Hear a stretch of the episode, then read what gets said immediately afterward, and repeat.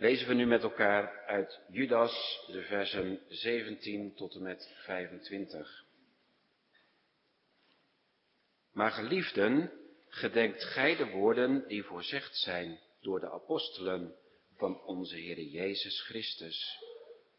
Dat zij u gezegd hebben dat er in de laatste tijd spotters zullen zijn, die naar hun goddeloze begeerlijkheden wandelen zullen. Deze zijn het die zichzelf afscheiden, natuurlijke mensen, de geest niet hebbende. Maar geliefden, bouwt gij uzelf op uw allerheiligst geloof, biddende in de Heilige Geest. Bewaart uzelf in de liefde Gods, verwachtende de barmhartigheid van onze Heer Jezus Christus ten eeuwige leven. En ontferm u wel over enigen onderscheid makende, maar behoud anderen door vrezen en grijpt hen uit het vuur en haat ook de rok die van het vlees bevlekt is. Hem nu die machtig is, u van struikelen te bewaren en onstraffelijk te stellen voor zijn heerlijkheid in vreugde. De alleen wijze God, onze zaligmaker, zij heerlijkheid en majesteit, kracht en macht, beide nu en in alle eeuwigheid. Amen. Gemeente, we gaan in de preek van vanmorgen met Gods hulp verder.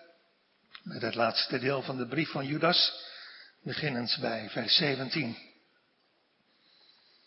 Maar geliefden, gedenkt gij de woorden die voorzegd zijn door de apostelen van onze Heer Jezus Christus. Er is veel aan de hand. Overal dreigt gevaar in de gemeenten aan die Judas schrijft. Het gevaar van verkeerde leer, het gevaar van een onheilig leven. Maar zegt Judas eigenlijk, kijk daar nou maar niets van op. En raak daar maar, maar niet door in verwarring. Immers zo gaat het in Gods koninkrijk. Als de Heer werkt, zal de duivel alles doen om zijn macht en zijn invloed te behouden. Niet voor niets schrijft apostel Paulus aan de gemeente in Korinthe. Want mij is een grote en krachtige deur geopend. En er zijn vele tegenstanders. Kennelijk hoort dat bij elkaar. En dus schrijft Judas als het ware troost u maar. U zelf maar met de herinnering aan de belofte van onze meester zelf, hoe het ook gaan zal, de poorten der hel zullen de gemeente niet overweldigen. En ook de apostelen hebben het, zegt hij tevoren, voorzegd, houd hun woorden in gedachten, vers 18 en 19, dat ze gezegd hebben dat er in de laatste tijd spotters zullen zijn, die naar hun goddeloze begeerlijkheden wandelen zullen. Deze zijn het, die zichzelf afscheiden, natuurlijke mensen, de geest niet hebbende. Zij scheiden zichzelf af, ze komen niet meer naar de samenkomsten, en zegt Judas, het zijn natuurlijke mensen die de geest niet hebben. Dat wil zeggen, ze worden niet geleid door de Heilige Geest. En dus, zegt Paulus in Romeinen 8, zijn ze geen kinderen van God. Maar, vers 20, geliefden, nog een keer die liefdevolle aanspraak. Bouwt gij uzelf op uw allerheiligst geloof, biddende in de Heilige Geest. Bouwt uzelf op uw allerheiligst geloof. Je ziet dan lezen in gedachten een, een bouwplaats voor je, waar een huis gebouwd wordt, op een fundering die ervoor zorgen zal dat het huis blijft staan. En die fundering is, zegt Judas, uw allerheiligst geloof. Uw geloof want dat hebt u, kinderen van God, als een gave van God, als een gift van de Heer gekregen. En dat geloof wat u gekregen hebt is, als het goed is, allerheiligst. Zuiver in uw hart en heilig in uw leven. En op dat fundament, zegt Judas, moet u verder bouwen. U bent op dat fundament Christus gebouwd tot, tot rechtvaardigheid, tot vergeving van schuld en tot verzoening met God. Maar denk nog niet tot het klaar is. Werk uw zelfzaligheid, zegt Paulus tegen de Filippenzen, met vrees en beven. Bouw verder op die fundering van, van geloof en vertrouwen. Alleen, en dat moet zo blijven, alleen op de zaligmaker Jezus Christus. Bouw verder op dat fundament van geloof en vertrouwen op zijn verdiensten aan het kruis alleen. Op zijn dood en zijn leven alleen. Met andere woorden, leer leven in het leven van iedere dag in vertrouwen op Christus. Van wie Paulus zegt tegen Timotheus, op Christus die uw hoop is. Door wat er ook gebeurt. Uw hoop en vertrouwen alleen op Christus te stellen. En doe niet van hem af te wijken. Want hij is de enige bron van vergevende genade. En door te blijven leven met God, door te blijven wandelen met God, en laat dat gebouw van uw geloof steeds vaster en hechter staan, op dat fundament van uw geloof in Christus, door meer zekerheid in Hem te zoeken zodat u niet alleen in tijden van licht geloven mag, maar ook als de stormen van dit leven over u heen gaan en het water u tot de lippen raakt. Dan alleen op Christus te vertrouwen. In de stormen van aanvechting, onder de beschuldiging van de Satan, terwijl je in je hart niets meer ziet en niets meer voelt, dan toch in het gezicht van Christus te kijken en te zeggen, U, o Heere, bent toch mijn steenrots. U bent toch mijn heil. U bent toch mijn toevlucht in tijden van benauwdheid. U bent toch mijn schild in nood. U bent toch, o Heere Christus, mijn enige troost. Uw bloed, uw gehoorzaamheid uw zorg en uw trouw is genoeg voor me. Dat is geloven. En zegt u dus, bouw uzelf op dat allerheiligst geloof. Dus gemeente, we zien in gedachten een, een gebouw verrijzen. Gebouwd op een solide fundering. Op het solide fundament van, van het geloof in Christus. Wat de vraag oproept. Hoe staat het met het fundament van mijn en uw leven? Bouwen wij ook, en ik heb het niet over een moment, maar over het leven van iedere dag, bouwen wij ook, hoe dat zullen we zo meteen nog zien, maar bouwen we ook alleen op het werk van de Heer Jezus Christus? Of bouwen we op onze eigen goede werken? Onze eigen inzet, onze eigen keus, ons eigen voorbeeldige leven. Kortom, dat bedoel ik te vragen. Staat ons levenshuis op weg naar de grote eeuwigheid, vast op de rots Jezus Christus, alleen door een gekregen geloof? Of hebben we zelf een huis gebouwd op de zandgrond van wat we zelf gedaan hebben. Bouw uzelf in het allerheiligst geloof. Ja, maar, maar hoe dan? Vers 20b. Biddende in de Heilige Geest. Dus de weg naar de voltooiing van de bouw van dat huis dat staat op dat goede fundament, is de weg van gebed. Staat hier. Wat zegt de Heer? Biddende in de Heilige Geest. Dat wil zeggen onder zijn leiding, onder zijn invloed.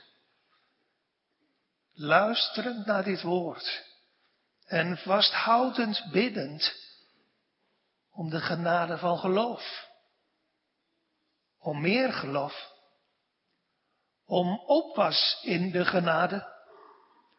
En om opwas, groei in de kennis van God. En van je zondige hart. En van de Heer Jezus Christus. Biddend om meer zicht op de genade van God. Op de liefde van Christus. En op het werk van de Heilige Geest die Christus in ons hart verheerlijken wil en die dus alles van ons wil afbreken, opdat, zoals Paulus zegt, Christus een gestalte in ons zou krijgen. Luisterend naar het woord en vasthoudend biddend om meer gelovig zicht op de liefde van Christus als God die vrijwillig zijn heerlijkheid en glorie in de hemel verliet om mens te worden. Vasthoudend biddend om in gelovig zicht op de liefde van Christus als mens die zich vernederd heeft tot de dood van het kruis en wilde lijden en sterven in plaats van verloren zondaars. Luisteren naar dit woord en biddend om kracht om staande te blijven tegen de zonde en de verleiding van ons zondige hart. Kortom, biddend onder de leiding van de Heilige Geest, om het werk van de Heilige Geest, die, kinderen van God, woont in ons hart. Terwijl we Hem ondertussen niet bedroeven door onze zonde, om zo de geest uit te blussen. Geliefde gemeente, kinderen van God, bid. Zoals de Jezus ons geleerd heeft in Matthäus 6. Maar u, wanneer u bidt, ga in uw binnenkamer. En uw deur gesloten hebbend, bid uw Vader, die in het verborgen is. En uw Vader die in het verborgen ziet, zal u in het openbaar vergelden. Want dat gebouw van het allerheiligst geloof, dat rust op dat fundament van het geloof in Christus, wordt alleen maar verder opgebouwd in het leven van Gods kinderen en wordt alleen maar uiteindelijk voltooid door de weg van een biddend leven. Het komt niet goed, zeg ik tegen mezelf, met preken. Het komt niet goed, zeg ik tegen ons allemaal met praten, discussiëren, het lezen van goede boeken.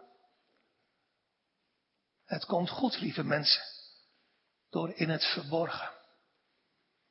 Waar niemand ziet wat u doet, maar waar God luistert naar uw stem.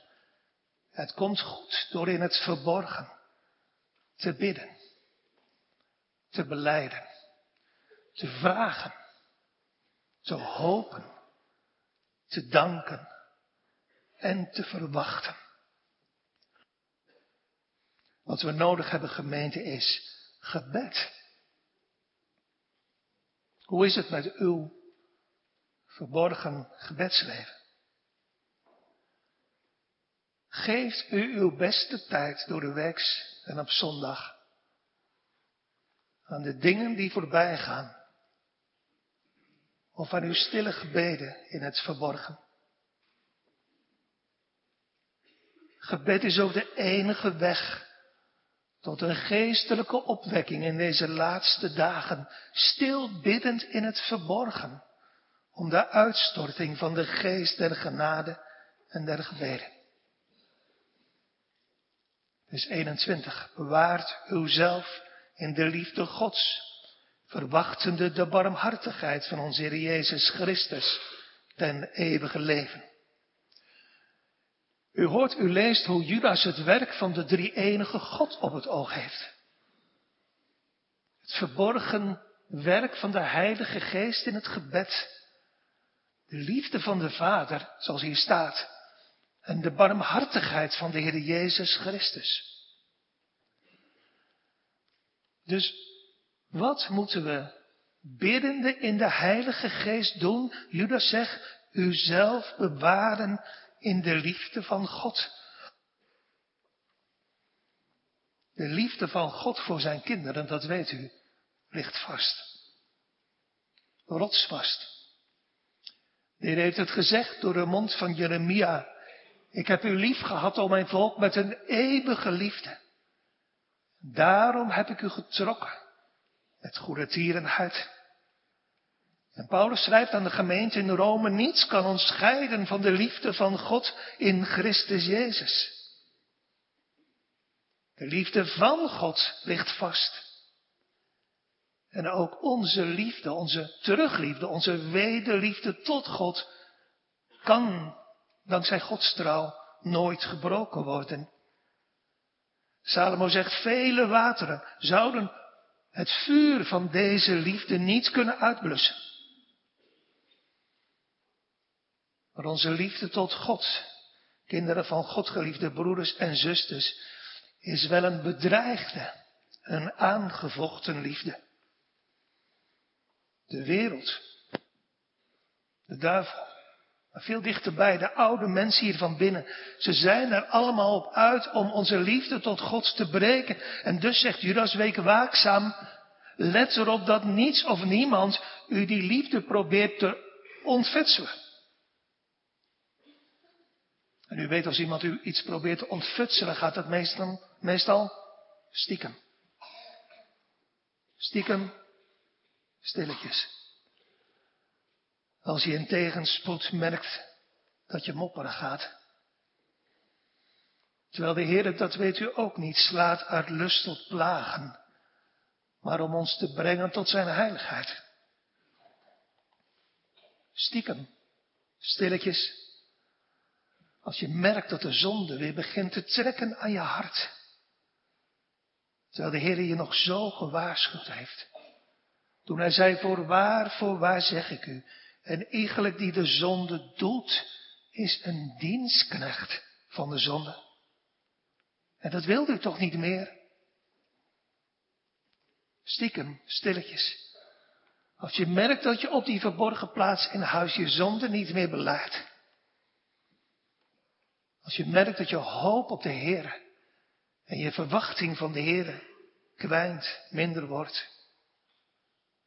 Als je merkt dat je bidden minder wordt. Als je merkt dat je Bijbel je niet meer trekt om erin te lezen. Dan, dan knaagt er iets, dan knaagt er iemand aan je liefde tot God, die van God komt.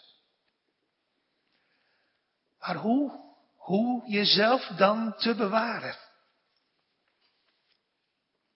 Hoe bewaar je de liefde in een goed huwelijk? Niet door geen tijd meer voor elkaar te nemen. Toch? Niet door ieder gewoon je eigen gang te gaan en niks meer tegen elkaar te zeggen. En al helemaal niet door naar een andere man of vrouw te gaan kijken. Dan raak je elkaar kwijt. Hoe dan wel? Nou, door tijd voor elkaar te nemen. Om met elkaar te praten. Door te zeggen hoeveel je van elkaar houdt. Door elkaar ook je liefde te laten zien. Alleen voor jou. Jij bent alles voor me. Aan de kant van de Heer is er wat dit betreft geen gebrek toch? Zegt Hij niet steeds weer, kinderen van God, hoeveel Hij van ons houdt? Ik heb u lief gehad met een eeuwige liefde. En denk aan de woorden van de Heer. Denk aan de woorden van de Heer Jezus zelf in Johannes 13. Ik heb u lief gehad tot het einde. En laat Hij ook niet iedere dag zijn liefde aan ons zien. Niet alleen horen, maar ook zien. Zijn barmhartigheden zijn toch iedere morgen nieuw. En zijn de moeilijke, de moeilijke wegen van tegenslag van de Heer van tegenspoed ook niet gedoopt in zijn liefde aan Gods kant. Geen gebrek. En dus ligt de oorzaak van dat verlies van, van het gevoel van Gods liefde, van de ervaring van de liefde van God aan onze kant. Bij ons verlaten van onze eerste liefde. En dus moeten we biddend terugkeren tot die liefde. Zo staat in vers 20. Biddend door de geest. Biddend bij je open Bijbel. Terwijl je stil in het verborgen nadenkt over de onbegrijpelijke, eenzijdige liefde van God in Christus.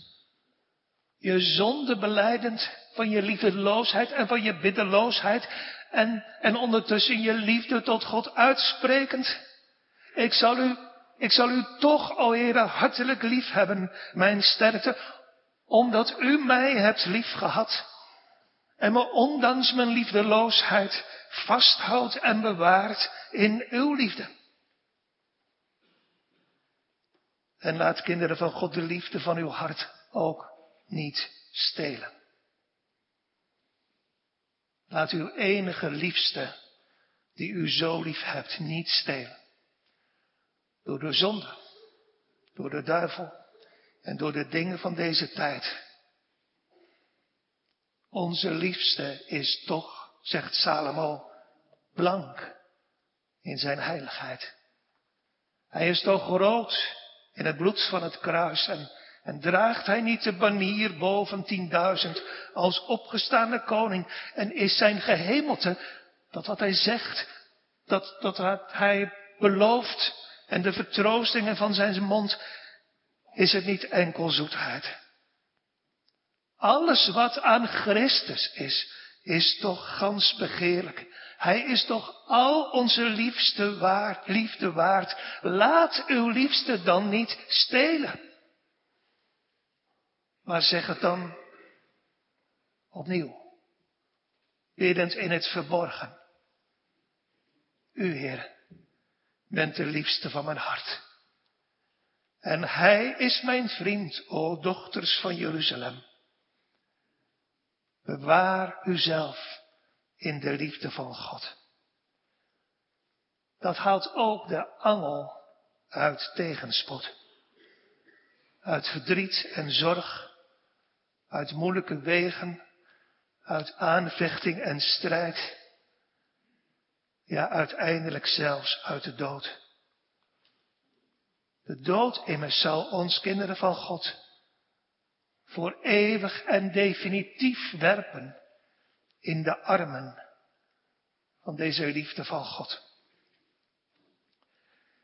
Verwachtende, vers 21b, de barmhartigheid van onze Heer Jezus Christus ten eeuwige leven. Echte barmhartigheid, echte ontferming, vergeving van zonde en aanneming tot kinderen is er alleen maar door de barmhartigheid van onze Heer Jezus Christus. Want de zaligheid is in geen ander. Want er is ook onder de hemel geen andere naam gegeven onder de mensen door welke wij moeten zalig worden. Dus, samenvattend. Zo hoort, zo mag het leven van een kind van God zijn. Eén, biddend. Biddend in de Heilige Geest. Twee, nauwlettend jezelf bewarend voor de gevaren die onze liefde tot God bedreigen. En drie, verwachtend. Ons leven, gemeente, is een gelukkig leven, omdat we verwachten. Een christen die niet verwacht, is niet compleet. We verwachten een geweldige toekomst. Straks zullen we nooit meer zonde doen. Straks zullen we de Heer nooit meer oneer aandoen. Straks zullen we altijd met de Heer zijn. Met het geslachte Godslam in zijn glorie, dat ons voor altijd al de volmaaktheden van God zal weerkaatsen. Wij verwachten de barmhartigheid van onze Heer Jezus Christus ten eeuwige leven. Zijn barmhartigheid in de dag van het gericht, op de dag dat hij komen zal, op de wolk in de lucht. Hij zal barmhartig over ons oordelen. Hij zal ons niet vergelden naar onze zonden, maar zal ons genadig eeuwig leven geven. En die verwachting is niet alleen hoop voor straks, die ons moed geeft voor nu. Maar die verwachting doet, als het goed is, ook nog iets anders. Petrus schrijft in 2 Petrus 3, daarom geliefden, en dan komt het verwachtende, deze dingen. Benaarstig beijver u dat u onbevlekt en smetteloos onbestraffelijk door hem bevonden mocht worden in vrede. Met andere woorden, die levende verwachting zorgt er als het goed is ook voor, dat kan niet anders, zorgt er als het goed is ook voor dat we tegen de zonde strijden. En dat we ons nu in het leven van iedere dag wapenen tegen de strikken van de duivel. Want we zijn op weg naar de ontmoeting met de Heer Jezus Christus. Die ons als bruid, zoals de Bijbel dat noemt, als een reine maagd, wil voorstellen aan zijn vader. Verwachtende deze toekomst. Laten wij samen van zingen, gemeente, uit Psalm 73, vers 13. Wie heb ik nevens u omhoog? Wat zou mijn hart, wat zou mijn oog op aarde nevens u toch lusten? Niets is er waar ik in kan rusten. Dus wijk dan nooit in bittere smart of bange nood mijn vlees en hart. Zo zult gij zijn voor mijn gemoed, mijn rots, mijn deel, mijn eeuwig goed. Psalm 73, vers 13.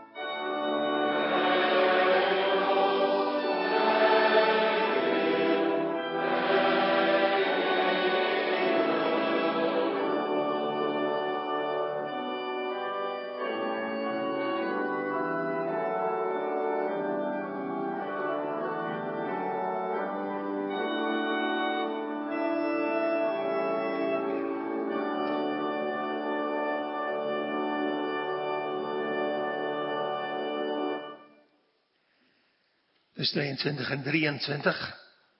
En ontfermt u wel over enigen, onderscheid makende, maar behoudt anderen door vrezen en grijpt hen uit het vuur en haat ook de rok die van het vlees bevlekt is. Dat leven met de Heer, dat de ontferming van de Heer kent, het zonder twijfel ook medelijden met anderen die uit zwakheid worden meegezogen op de weg van de zonde. Judas zegt, ontferm u over hen. Dat is onze roeping. Niet door te zeggen, ja, joh, je kan er ook niks aan doen. We kijken wel even de andere kant op. De kanttekening zegt ons u, dat is bestraf en vermaan enigen uit barmhartigheid en medelijden over hun zwakheid, namelijk diegenen die uit zwakheid zondigen en niet moedwillig, niet expres. Elkaar in de gemeente onderling vermanen. Met liefde het kwaad van de zonde aanwijzen en anderen oproepen tot bekering. Want gemeente, de gemeente is waar het gaat om de zonde, als het goed is, geen plaats van tolerantie. Maar een plaats waar we elkaar met liefde vermanen om met de zonde te breken, als mensen daaruit zwakheid ingevallen zijn. Een plaats, zegt Matthew Henry, waar we alles doen wat mogelijk is om anderen uit de strikken van de duivel te verlossen.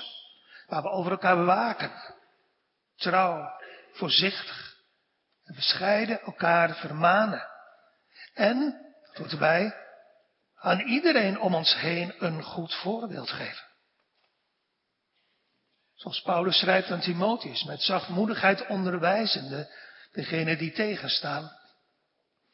Of God hun ter enige tijd bekering gaven tot erkentenis der waarheid.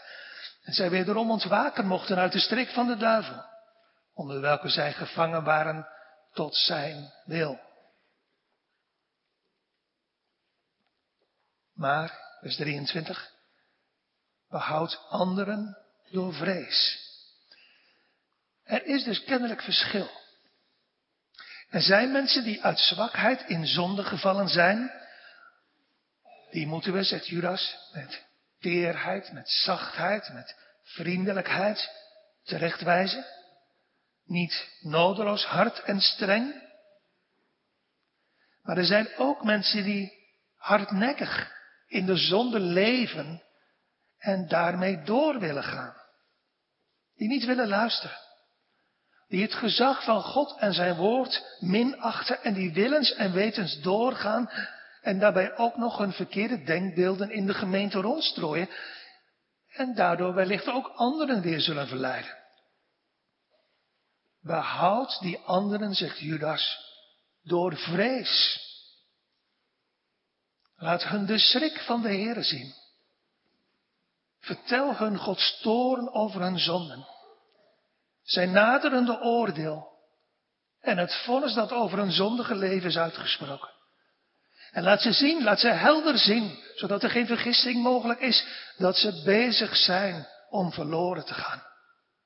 Laat ze het gevaar van hun leven zien, sla alarm, om ze te behouden. Dat is en blijft het doel. Gemeente, het is belangrijk om dat te bedenken. Waarschuwingen in de Bijbel kunnen scherp zijn. Maar het is, o zondaars, om je te behouden. Om je te behoeden voor je ondergang.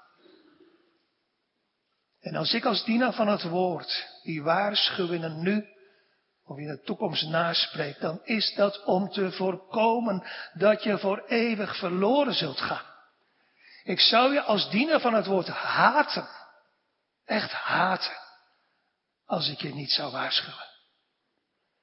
En dus hoop ik in liefde u, o zondaars, te blijven waarschuwen, om u te behouden, ook door vrees. En vers 23 midden, grijpt ze uit het vuur. Daar zie je hoe groot het gevaar is van de onbekeerden die in de zonde leven. En hoe liefdeloos het zou zijn om ze niet te waarschuwen. Je zit met elkaar om een vuur. En ineens struikelt een van de kinderen en valt midden in het vuur. Er is maar één reflex denkbaar van een liefhebbende vader of moeder. Die grijpt dat kind en rukt het uit het vuur. Zo. Maar dat is niet alleen mijn taak. Het is een taak van ons allemaal en in het bijzonder van Gods kinderen. Zo moeten we ze grijpen die zich branden aan het vuur van de zonde.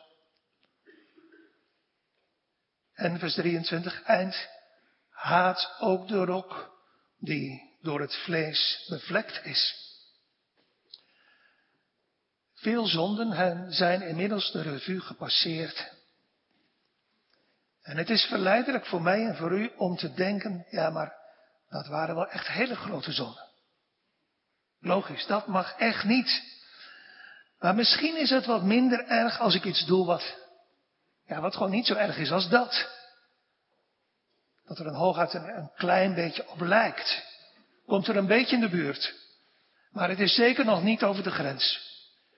Een beetje spelen met vuur zonder je vingers te verbranden. Een beetje lopen op krakend ijs zonder er doorheen te zakken. Maar zegt Judas, maar zegt de Heer, dat is gevaarlijk. Niet doen. Haat de rok die van het vlees bevlekt is. Met andere woorden, niet alleen het vlees zelf is onrein, de zonde, maar ook de vlekken ervan. Dat, dat wat ermee te maken heeft. Dat wat ermee in, letterlijk in aanraking is geweest. Met andere woorden, zonde is besmettelijk. Wees op je hoede. Sluit geen compromis. De zonde maakt veel sneller vlekken op je kleren.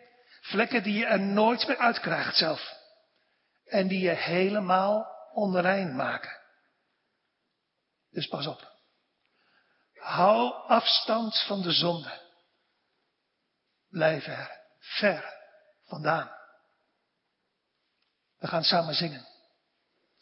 Hier aan denken uit Psalm 119, het tweede vers, die wars van het kwaad. Grote afstand daarvan niet in de zonde leeft, maar zijn gang bestuurt naar de wetten van de Heere. Gij, grote God, die ons bevelen geeft. U eist van ons dat we op uw woorden letten.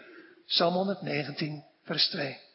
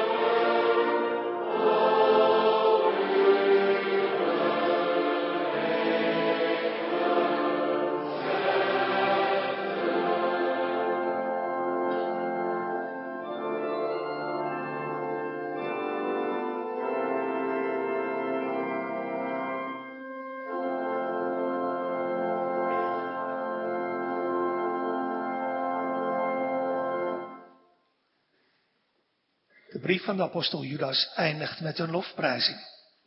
Vers 24. Hem nu die machtig is u van struikelen te bewaren en onstraffelijk te stellen voor zijn heerlijkheid in vreugde. Hem nu die machtig is u van struikelen te bewaren. Er is geen kind van God dat nooit struikelt. Apostel Jacobus zegt wij struikelen allen in velen. Indien iemand in woorden niet struikelt, die is een volmaakt man machtig om ook het hele lichaam in de toom te houden. En onze catechismus zegt in zondag 52, meen ik, dat we van onszelf geen ogenblik staande kunnen blijven. Is dat niet om hopeloos van te worden? En zo zou je kunnen afvragen, komt het dan uiteindelijk wel goed? Nee, we worden niet hopeloos. Ondanks al onze struikelingen. Want Christus is onze hoop. Hij is niet alleen het fundament van ons leven.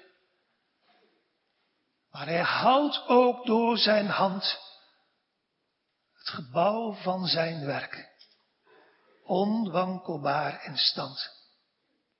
Wie dat doet? Judas zegt hij die machtig is. Machtiger dan al onze verkeerde verlangens en begeertes bij elkaar. Machtiger dan de duivel. Machtiger dan al onze vijanden. Hij houdt ons vast en zal ons bewaren. Dat is trouwens geen reden om zorgeloos verder te leven. Zo van ja, als dat zo is, dan komt het vanzelf wel goed. Dit is reden om in het diepe besef te leven. Zonder Hem kan ik niets doen. Zijn kracht wordt in mijn zwakheid volbracht. En dus moet ik als een blijvend arm en zwak mens leven in het verborgen en in mijn dagelijkse leven, dicht bij de sterke God. Biddend, vers 20, in de Heilige Geest. Of Hij ons zal bewaren zoals Hij beloofd heeft in Psalm 121. De Heer zal u bewaren van alle kwaad. Uw ziel zal Hij bewaren. Biddend of hij ons zal bewaren zoals de Heer ons beloofd heeft in 2 Thessalonicensen 3. Maar de Heer is getrouw, betrouwbaar, die zal u versterken en bewaren van de boze. Biddend in de Heilige Geest of hij ook anderen als een vuurbrand uit het vuur wil rukken. Hij is machtig. Onze God, onze Christus, onze Meester is machtig ons van struikelen te bewaren en onstraffelijk te stellen voor zijn heerlijkheid in vreugde. Hij die het goede werk in ons begonnen is, zal dat voleindigen, voltooien op de grote dag.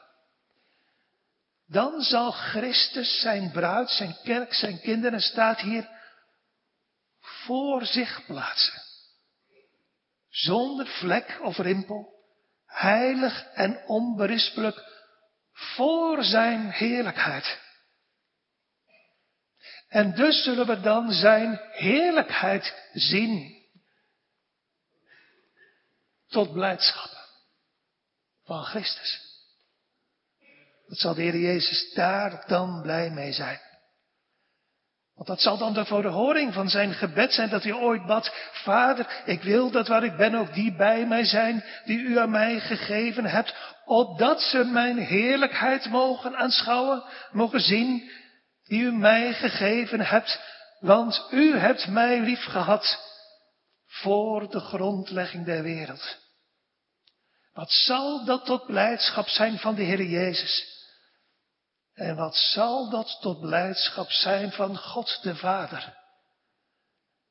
Dan zal de profetie vervuld worden. U moet die maar nalezen in Zephania 3. Waar staat, Hij, God, zal over u vrolijk zijn met blijdschap. En hij zal zich over u, mijn volk, verheugen met gejuich. Want zijn heerlijkheid zal de hemelse vreugde zijn. Dan zal het vrome volk, zoals we dat straks zingen, huppelen van zielevreugd, omdat ze een wens verkregen hebben.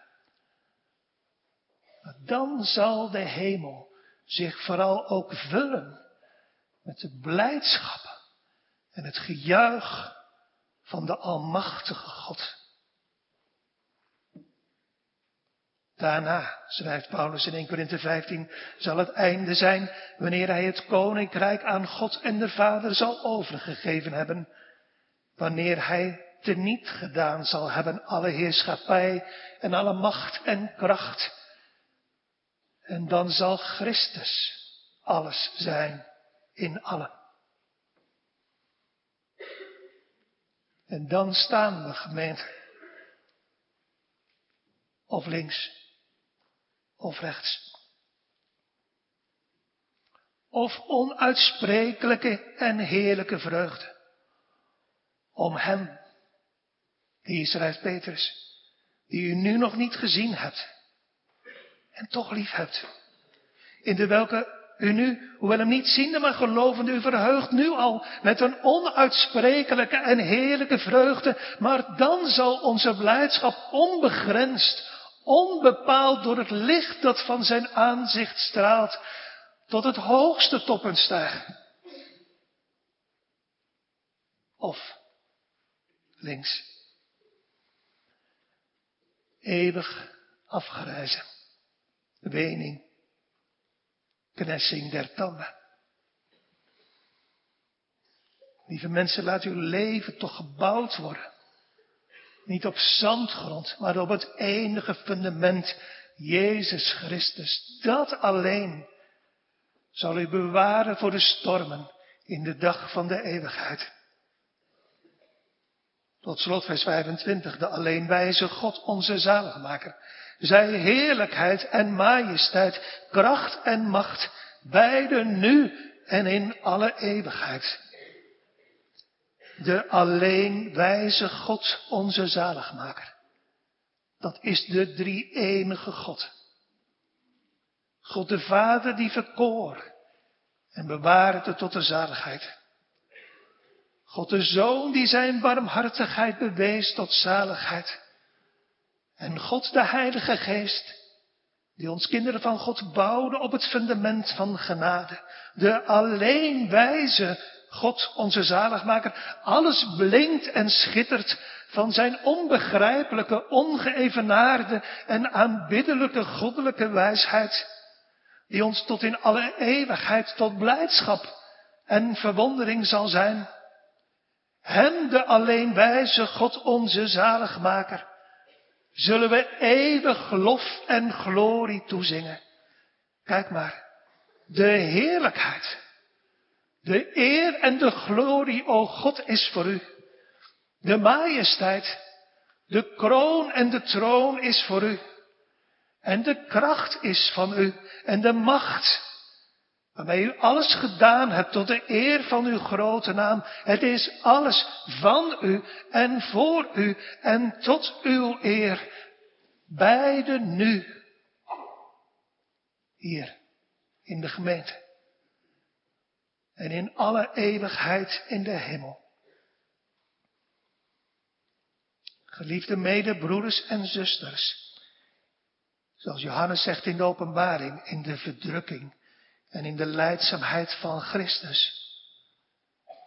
De God des vredes zelf, heilige u, geheel en al. En uw geheel oprechte geest en ziel en hun lichaam worden onberispelijk bewaard in de toekomst van onze Heer Jezus Christus. Hij die u roept is getrouw, die het ook doen zal. Amen.